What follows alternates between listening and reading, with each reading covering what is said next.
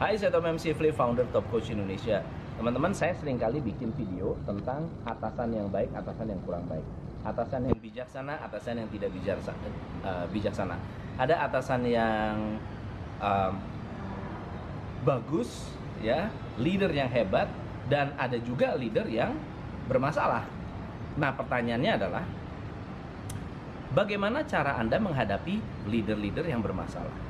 Leader-leader yang tidak bijaksana, leader-leader yang mungkin secara karakteristik tidak pas atau tidak cocok dengan Anda. Ini saya buat untuk Anda yang masih menjadi karyawan.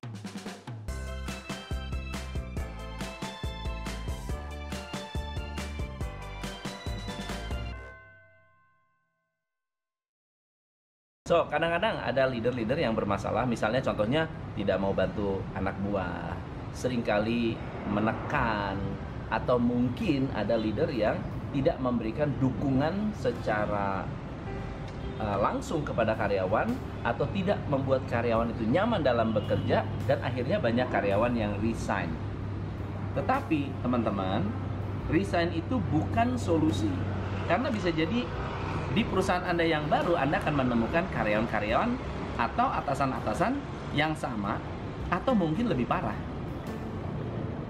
Jadi tugas Anda kalau ketemu karyawan atau atasan yang kurang baik, Anda harus tahu cara menghadapinya. Ada 10 langkah untuk menghadapi atasan yang bermasalah. Langkah yang pertama, jangan berasumsi. Kita tidak boleh langsung menghakimi bahwa atasan yang diam artinya dia tidak perhatian. Atasan yang marah artinya dia tidak peduli atasan yang masa bodoh artinya dia benar-benar masa bodoh. Jangan asumsi. Jadi Anda harus benar-benar menganalisa. Anda harus benar-benar mengalami dan melihat apakah atasan ini memang atasan yang bermasalah. Langkah yang kedua adalah kita kadang-kadang tidak cocok dengan seseorang bukan karena orang itu yang bermasalah, tetapi karena tidak pas dengan personality kita tugas Anda sebagai seorang karyawan, sebagai tim adalah belajarlah personality type. Ada orang-orang yang dominan, ada orang-orang yang steady, ada orang-orang yang compliance dan ada orang-orang yang umumnya adalah ada orang-orang yang influencer atau sanguinis. Nah, orang-orang yang dominan ini adalah orang-orang yang memang straightforward kalau ngomong keras dan kalau bicara nggak bisa di stop orangnya sangat-sangat uh, mendominasi percakapan. Orangnya suka tantangan senang masalah. Orangnya sering kali memulai sesuatu tapi tidak menyelesaikan which is itu adalah karakter personality dominan. Nah anda harus tahu caranya menghadapi orang-orang seperti ini yang kedua adalah misalnya Anda ketemu orang-orang yang sanguinis, orangnya hai, happy, senang, senang bergaul, senang berteman, tapi tidak berprestasi, misalnya. Nah itu harus hadapinya bagaimana? Atau ada orang-orang yang mungkin terlalu diem, kaku, semuanya serba data, semuanya serba fakta, sementara Anda adalah orang-orang yang senang bergaul. Nah, konflik personality ini bisa menyebabkan anda memiliki ketidaknyamanan dalam bekerja. Tapi kalau Anda tahu, oh ternyata ya orang itu memang dominan sih. Ya, jadi memang karakternya begitu. Kita jadi paham dan tidak berasumsi atau menghakimi. Yang ketiga, jangan sampai sikap atasan membuat Anda tidak berprestasi. Jangan sampai karena atasan Anda misalnya tidak menyenangkan, sifatnya kurang bagus, lalu Anda dikasih alasan, ah atasan saya nggak benar, atasan saya nggak ramah sama saya, berarti saya boleh tidak berprestasi. Itu salah. Apa pun sikap dan perilaku atasan tidak boleh membuat Anda tidak berprestasi. Tidak boleh menghentikan Anda untuk bekerja secara maksimal. Karena kalau atasan Anda bermasalah, lalu Anda juga bermasalah, perusahaan memilih atasan bukan milih Anda. Betul ya? Anda punya saya memilih seorang leader. Lalu kemudian leader ini punya anak buah. Anak buah bermasalah. Nggak mungkin atasannya yang dipecat duluan. Anak buahnya yang saya ganti dulu. Betul ya? Tetapi kalau atasan bermasalah, anak buah atasan ini berprestasi, saya akan mikir, ini atasannya benar apa enggak? Dan akhirnya membuat saya bisa menilai atasan dengan lebih objektif. Yang keempat, Anda harus jadi orang yang proaktif. Proaktif artinya begini. Karena Anda tidak mau terganggu pekerjaannya, Anda jangan pernah menunggu atasan Anda marah baru Anda memperbaiki problem Anda, memperbaiki kesalahan. Saya bersyukur pernah memiliki atasan yang demanding. Demanding itu menuntut. Kamu harus begini, kamu harus begini, kamu harus begini, kamu harus begini. Wah, tuntutannya luar biasa. Jadi apa yang saya lakukan? Saya berpikir proaktif. Proaktif artinya apa? Sebelum diminta, saya sudah berikan. Kalau misalnya saya diminta, Tom, tolong ambilin file harga. Oke? Okay? Selain saya kasih ambil file harga, saya akan mengambil brosurnya juga. Oke, saya ambil file harga, saya ambil brosurnya juga. Supaya apa? Kalau dia nanya file harga, sudah pasti dia akan tanya brosur. Daripada saya bolak-balik, saya bawa dua-duanya. Itu namanya proaktif. Let's say misalnya contoh, kita mau bikin iklan. Karena saya dulu uh, lama banget di marketing, kita mau bikin iklan. Oke, okay? uh, atasan uh, atasan saya bilang Tom tolong uh, bikinin konsep iklan uh, dengan misalnya promo A ya promo diskon 50% katakan seperti itu. Saya tidak hanya membuat satu sampel saya akan membuat empat sampel. Jadi dia bisa milih. Oke okay, ini gaya satu ini gaya dua ini gaya tiga gaya empat. Ini adalah gaya menonjolkan promo ini gaya menonjolkan headline yang ini menonjolkan outlet dan yang ini menonjolkan benefit list. Suka yang mana? Jadi dengan Anda menjadi lebih proaktif, atasan akan lihat nggak ada alasan buat marah sama Anda, nggak ada alasan untuk ganggu Anda, karena Anda orangnya nggak ada masalah. Yang kelima, kalau Anda memiliki atasan yang abusive, boleh jaga jarak. Abusive itu begini, saya pernah pernah punya atasan yang suka mukul. Jadi sebetulnya dia tidak mukul. Cuma kalau maksudnya kasar gitu ya. Misalnya, "Eh, apa kabar?" gitu ya. "Apa kabar?" Dia pukul pundak kita maksudnya maksudnya begini. Tapi mukulnya kenceng banget. "Weh, apa kabar lu?" Gitu. sakit badan. Betul gak? Kita tahu orang itu tidak berniat untuk memukul tetapi karena mungkin lemah kita lemah ya karena waktu itu saya kurus banget rasanya kan nggak enak sakit jadi lebih baik sebelum dia mukul sebelum dia halo apa kabar Tom? Saya baik pak. Jadi saya langsung menghindar. Jaga jarak. Karena ini bagian yang penting untuk mengetahui apa yang anda bisa terima dan apa yang tidak bisa anda terima. Jaga jarak itu penting. Yang keenam adalah Anda harus berani mengkomunikasikan kebutuhan Anda. Anda harus berani menyampaikan pandangan, pendapat, ide, strategi, analisa yang menurut Anda cocok untuk situasi tertentu. Kalau diterima, bagus.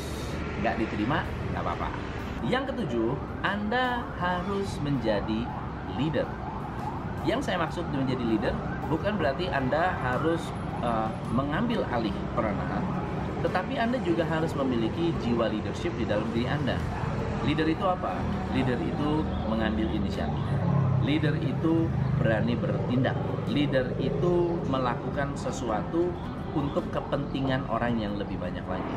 Sehingga ketika Anda melakukan tindakan, Anda melakukan suatu aktivitas sebagai seorang leader, Anda mendukung perusahaan ada ataupun tidak ada atasan. Yang kedelapan, Anda harus mengerti yang namanya triggers atau anchor. Uh, pada satu hari, pada satu saat, saya memiliki seorang atasan yang uh, bisa dikatakan memiliki karakter like and dislike. Like and dislike itu begini, kalau deket sama atasan itu, apa pun yang kamu minta dikasih. Kalau tidak dekat dengan atasan itu kamu digencet habis-habisan. Oke? Okay? sifatnya like and dislike. Lalu kemudian saya tanya apa yang membuat dia memiliki like and dislike? Kenapa kalau dekat didukung kalau tidak dekat tidak didukung? Ternyata orang ini memiliki anchor atau pemicu di mana dia itu tidak memiliki uh, teman jadi dari kecil tuh tidak punya teman, sering dibully. Sehingga kalau ada orang yang tidak dekat dengan dia, dia punya asumsi ini orang nih akan membuli dia. Sehingga membuat dia takut kalau saya nggak deket, saya nggak kenal, saya nggak terlalu akrab, saya tidak tahu seluk beluk orang ini, saya nggak berani angkat dia jadi apa-apa, saya tidak berani mengambil kesempatan atau kesimpulan apa-apa terhadap orang ini, jadi lebih baik saya jauhi. Ya.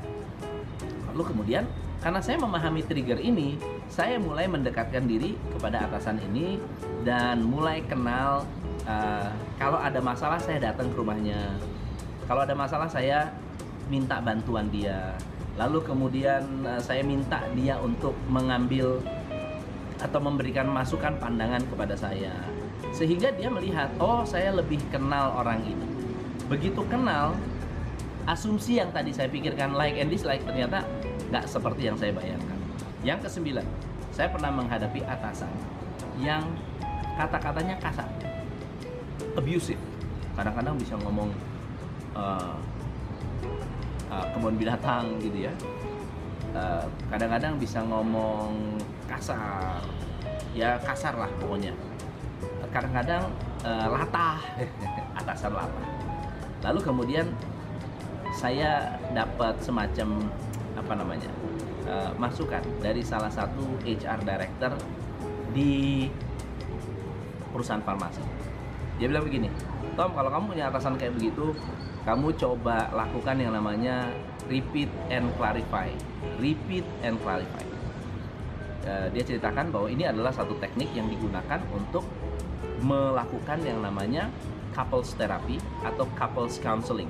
Repeat and clarify itu modelnya begini. Misalnya ada, misalnya mohon maaf ya, Anda dibilang, eh anjing, sini lo, misalnya ya. Jadi Anda repeat dulu, Anda ulang dulu, anjing, lalu kemudian Anda clarify. Maksudnya anjing apa pak? Eh bego, sini lo. Anda datengin, uh, mohon maaf pak. Bapak tadi bilang bego. Maksudnya apa pak?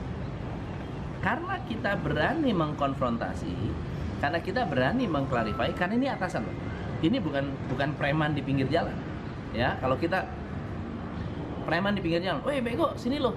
Eh bego maksudnya apa bu? Pak itu mungkin nggak cocok. Tapi karena ini atasan tidak pantas. Maka anda boleh lakukan itu. Dan saya lakukan. Yang terjadi adalah karena saya sering repeat and clarify, repeat and clarify, repeat and clarify. Lama-lama orang itu nggak berani sebelum dia ngomong begitu atau saat dia ngomong eh bego gitu ya. Dia eh bego, eh Tom sini, nah, gitu. Ngerti ya maksudnya? Ya? Kadang-kadang itu omong keceplosan, bukan berarti dia mau mau mau sumpah serapah, tetapi mungkin kebiasaan, ya mungkin panggilan akrab. Ya kan ada orang yang karena saking akrabnya, woi anjing sini lo, gitu. Weh bangsat, sini lu gila mana aja langsung tos-tosan. Nah itu adalah panggilan akrab. Tapi kalau dalam posisi pekerjaan, panggilan itu tidak akrab. Panggilan itu tidak sopan. Jadi Anda harus clarify. Anjing pak, maksudnya apa pak? Jadi Anda bisa langsung mendapatkan penjelasan langsung.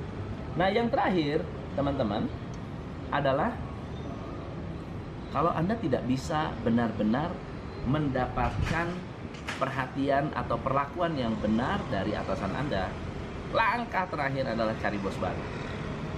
Dari departemen lain, cari bos baru dari perusahaan lain. Atau Anda jadi bos untuk diri Anda sendiri. Itu sudah langkah yang terakhir. Nah teman-teman, 10 poin ini semoga bisa bermanfaat untuk Anda dan bisa membantu Anda menjadi tim yang lebih sukses. Saya Tom MC Play, salam penyerang. Coach Indonesia.